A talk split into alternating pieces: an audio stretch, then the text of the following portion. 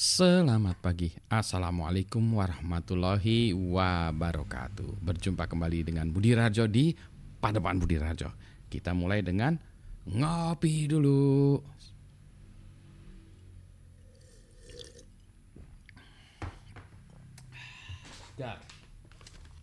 Kopinya ini sebenarnya mix dari Java Halu dua-duanya dari Java Halu sih.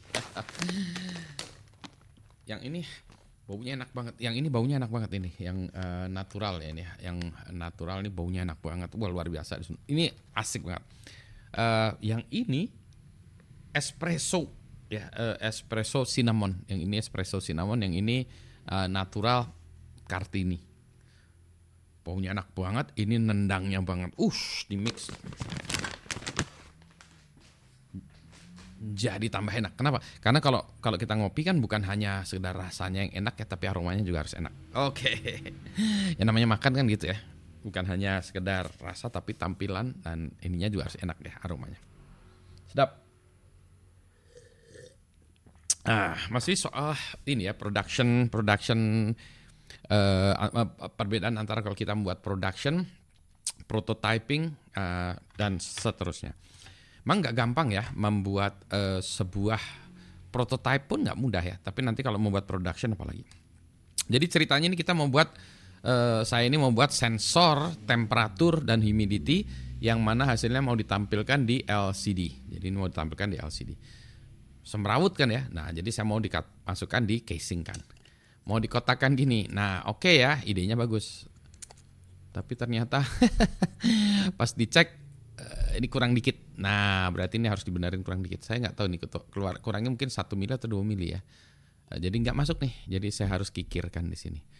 Nah, ini dibuatkan oleh Miko. Terima kasih Miko dari apa? Anak bisa ya. Uh, Miko ya, uh, Pak Miko, uh, terima kasih udah buatin ini. Nah, kita masih eksperimen lagi. Dia lagi eksperimen dengan 3D printing ya. Jadi ini 3D printingnya lagi dicoba ya. Ini versi yang saya lupa ke satu, kedua, sekarang dia udah mungkin versi ketiga, keempat, kelima buat ininya ya. Jadi ini mau dipasang begini. Di belakangnya juga ini belum pas yang versi yang ini. Ya, jadi ininya uh, belum pas. Kalau itu tadi ke masih uh, kurang pas ya. Yang ini tutupnya juga. Jadi nanti ada casingnya kayak gini ya. Uh, casingnya kayak gini. Nah ininya juga masih kurang pas. Yang ini malah kelonggaran ya. Nah itu dia uh, berarti kita harus masih belajar tentang 3D printing ya. 3D printing itu memang harus ada seni dan art uh, seni ya artnya dan ini sainsnya. Nah ini nanti jagoannya Miko ya. Jadi saya ngandalin Miko untuk ini. Uh, nanti di sini itu ada bolongan untuk keluar uh, sensor dan uh, powernya ya colokan powernya. Kalau beli juga di di internet juga ada yang kayak gini. Sama aja nih saya lihat-lihat oh ini mah juga sama 3D hasil 3D printing juga nih kelihatannya ya. Kalau ngeliat gini-gini kan 3D printing juga. Cuma bedanya ini udah dikasih tempat untuk masang di dindingnya atau di apa ya di sekrup gitu ya. Terus ini juga masih bingung juga nih kan sama juga nih belum tahu nih. Jadi kalau udah dipasang ini kelemnya gimana ini tutup ya?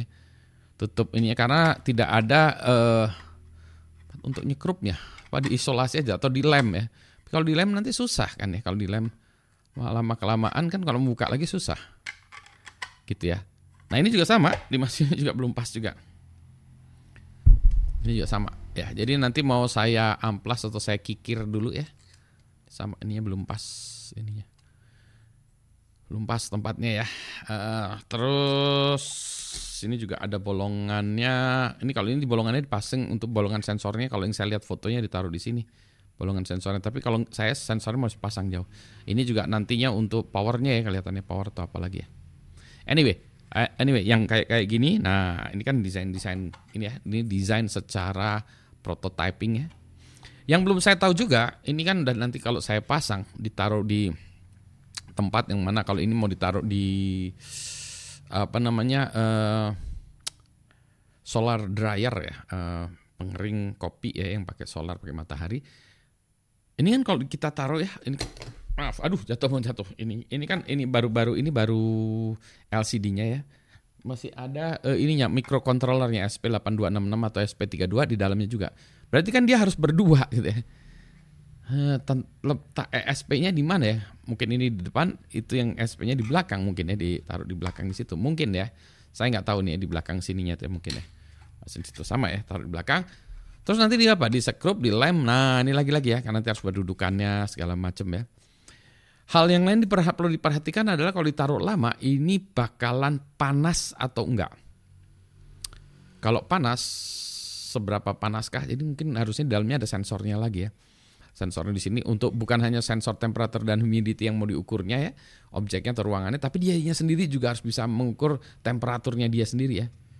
Kalau CPU ada itu kan ya. Nah, Iya kalau microcontroller nggak ada karena dia dibuat sedemikian dia pokoknya fitur-fiturnya sesedikit mungkin semurah mungkin sehingga dia reliable, kecil dan seterusnya. Jadi dia tidak ada fitur untuk mendeteksi temperatur dirinya sendiri. Jadi harusnya dia di dalamnya juga ada ya kalau ada temperaturnya kepanasan terus mau apa ini? Shutdown atau apa ya? Ini jadi ini juga belum ya. Ini dari aspek fisikalnya, fisik fisiknya. Jadi nanti ini harus diajarin juga ya. Nah, apakah nanti kita perlu buatkan bolongan-bolongan di sini ya untuk uh, apa ya uh, angin ya angin atau apa ya eh, atau ini harus terbuat dari logam ya jadi kayak ada heat sinknya atau heat sinknya dikeluarin gitu ya supaya panasnya bisa keluar. Atau udah pakai udara atau apa dulu ya. Anyway. Gitu ya. Uh, ya. Ah anyway. Inilah pagi ini. Saya ngopi-ngopi dulu sambil mikirkan itu ya. Uh, sambil ini mau mengoprek ini. Mau saya apa ya tadi? Saya apa? Uh, amplas dulu atau kikir. Dulu amplas sudah nemu sih kikir belum lumayan juga nih satu mili ya kalau satu mili. Nanti kita lihat lah ya. Gitu yang penting kita ngopi dulu. Selamat pagi assalamualaikum warahmatullahi wabarakatuh. Sehat semua ya